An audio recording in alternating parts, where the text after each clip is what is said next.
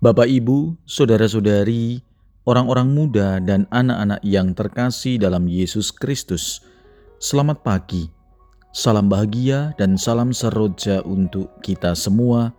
Berkah dalam bersama dengan saya, Romo Antonius Garbito Pamboaji, menyampaikan salam dan berkat Allah yang Maha Kuasa dalam nama Bapa dan Putra dan Roh Kudus. Amin. Hari ini Senin 7 September dalam pekan biasa ke-23. Bacaan pertama dalam liturgi hari ini diambil dari surat pertama Rasul Paulus kepada jemaat di Korintus, bab 5 ayat 1 sampai dengan 8. Bacaan Injil diambil dari Injil Lukas bab 6 ayat 6 sampai dengan 11.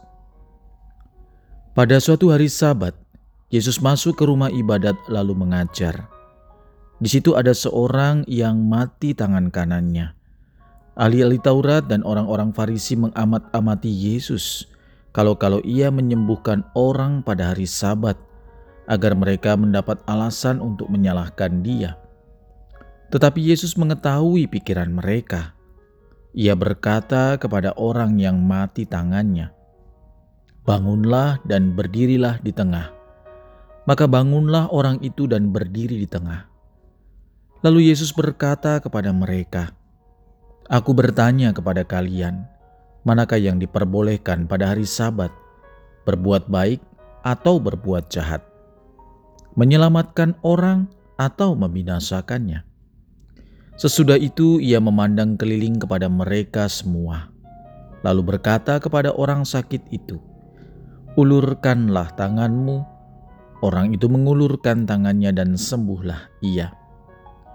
Maka meluaplah amarah ahli-ahli Taurat dan orang Farisi.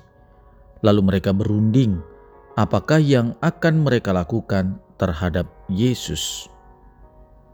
Demikianlah sabda Tuhan, terpujilah Kristus. Bapak, ibu, saudara-saudariku yang dikasih Tuhan, bagi orang Yahudi, hari Sabat merupakan hari di mana mereka mempunyai waktu untuk beristirahat.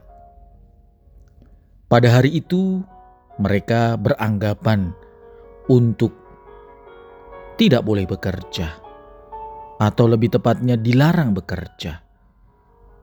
Termasuk di dalamnya adalah memberi perhatian kepada orang sakit.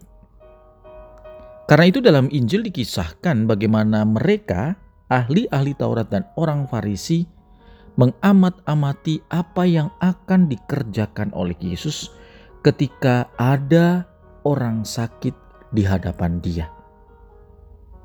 Dan ternyata Yesus mengetahui apa yang ada dalam pikiran mereka. Manakah yang diperbolehkan pada hari Sabat, berbuat baik atau berbuat jahat? Menyelamatkan nyawa orang atau membinasakannya. Yesus tetap konsisten untuk menjalankan tugas dan misinya.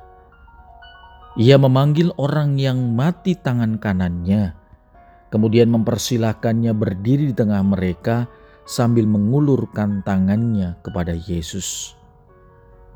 Dan Yesus seperti biasa menyembuhkan dengan penuh kasih. Di depan mata para ahli Taurat dan orang Farisi tentunya. Dalam hal ini jelas bahwa Yesus bukan kontra dengan aturan dan larangan Taurat, tetapi ia kontra dengan setiap aturan dan larangan yang tidak lagi memanusiakan manusia.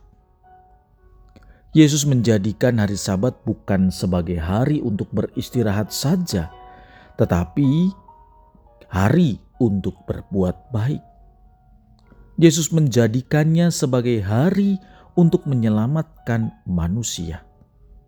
Itulah sebabnya, pada awal gereja, hari Sabat itu bukanlah hari yang terakhir, melainkan hari pertama, sebuah Paskah kecil untuk memperingati kebangkitan Tuhan Yesus. Saudara-saudari, sabda Tuhan hari ini mengingatkan sekaligus mengajak kita untuk bertumbuh dalam semangat kasih.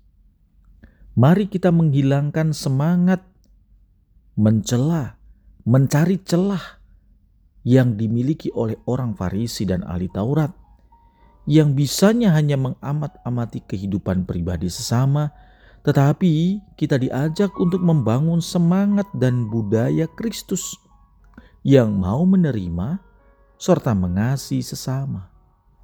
Mari kita gunakan tangan kita untuk menolong siapa saja yang menderita, sekalipun kita sedang mengalami kesulitan. Marilah berdoa. Ya Tuhan, Engkau menciptakan setiap hari adalah hari yang baik. Maka jadikanlah setiap hari pula kami berbuat baik kepada sesama. Berkat Allah yang Maha Kuasa, dalam nama Bapa dan Putra dan Roh Kudus. Amin.